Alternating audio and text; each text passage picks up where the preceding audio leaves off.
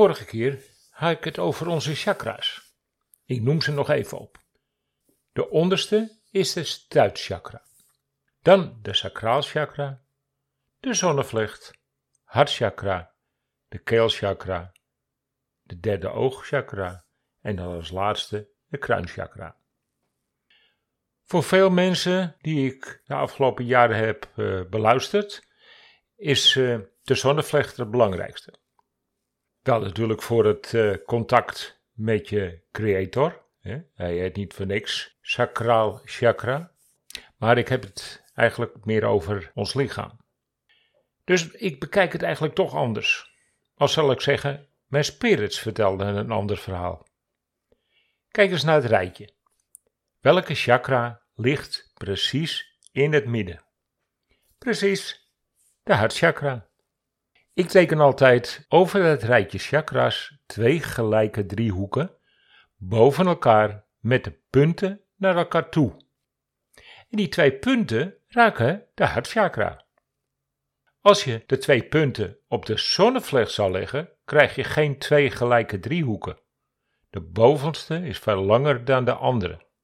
Eigenlijk is die andere dan ook veel kleiner en je zou kunnen zeggen dat die bovenkant meer macht heeft en dat je eigenlijk aan de onderkant weinig draagvlak hebt. Ja, ik moest ook even slikken toen ze dat tegen me vertelde. Twee gelijke driehoeken. De ene vrouwelijk en de andere mannelijk. En gelijkwaardig en in balans. Nu komt het. Als je die driehoeken nu in elkaar laat schuiven, dus op elkaar leggen, dan kom je op een heilig teken. De oorsprong, de goddelijke energie. En die twee driehoeken staan ook in je handen. Aan de ene kant de mannelijke kant en aan de andere kant de vrouwelijke kant. En op het moment dat je in een bidhouding je handen tegen elkaar doet, zie je datzelfde teken weer terug. De twee gelijke driehoeken op elkaar. Het teken van genezing. Nogmaals, je hart is het middelpunt in alles. Dat hart was in de eerste jaren van je leven de spil in alles. Natuurlijk de motor van jouw bestaan en belangrijkste onderdeel om alles draaiende te houden. Maar je hart heeft een belangrijker brein dan die bovenin in je hoofd. Die was trouwens pas zo rond de twintigste volgroeid. Je hart als centrum van jouw bestaan.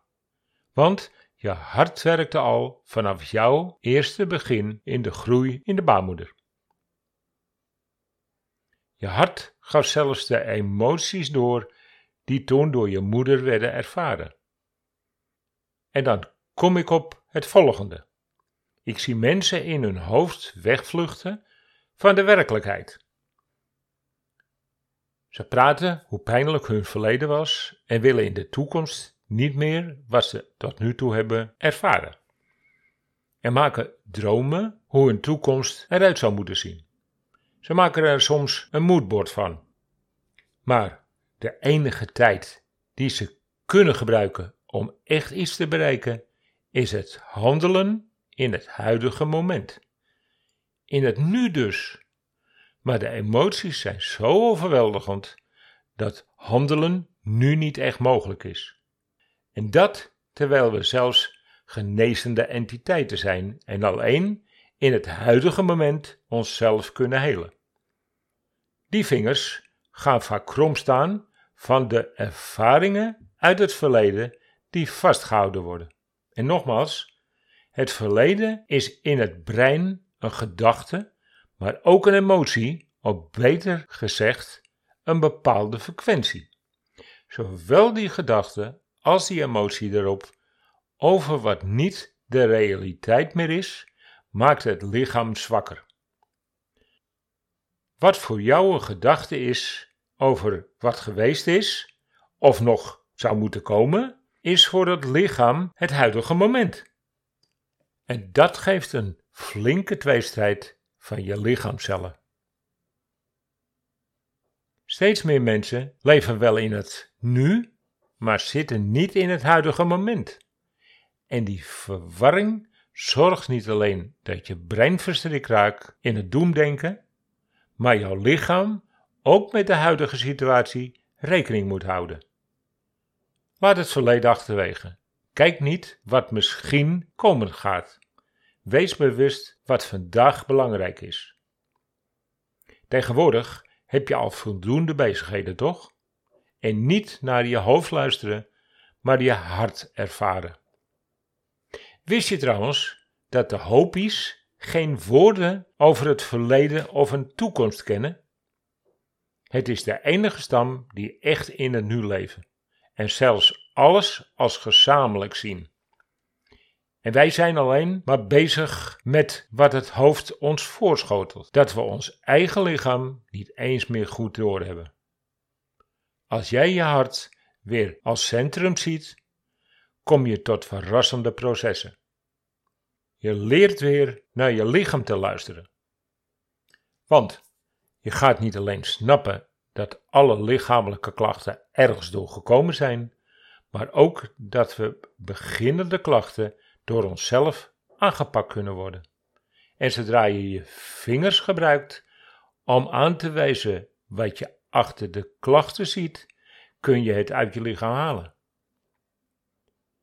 Zal ik wat voorbeelden geven? Laten we eerst die chakra's nemen. Last van je heupen of benen? Je hebt het op de heupen of durf je je de stappen niet te zetten die je eerder in je leven wilde zetten? De Sacraal chakra, alles wat met jouw basis te maken heeft. De unieke verbinding met een hogere macht of zelfs de creator. Geef vertrouwen en inzicht. Het buikgevoel. En dan bij een slecht werkend chakra, onzekerheid, twijfel, angst, boosheid, woede. Eigenlijk elke vastzittende emotie is daar wel op terug te vinden maar ook het gevoel van alleen ervoor moeten staan, of zelfs verlatingsangst. De zonnevlecht. Hoe verteer je de dingen die je ervaart? Zowel met je zintuigen als met de voeding die je tot je neemt. Denk aan voedselvergiftiging, alle soorten allergieën. Dus niet alleen voedingsmiddelen, maar ook stoffen of processen van buiten je lichaam. De hartchakra. Niet openstaan voor anderen. Geen liefde ervaren. Geen mooie dingen zien in het huidige moment. Of niet de ware vinden. Je baan niet vinden. Geen echte verbinding maken dus. De keelchakra. Niet uit je woorden komen, geen zelfvertrouwen, onzekerheid, woede over een uitspraak van een ander. Je niet dus durven uiten, en misschien niet eens weten hoe je je zou moeten uiten. Derde oogchakra.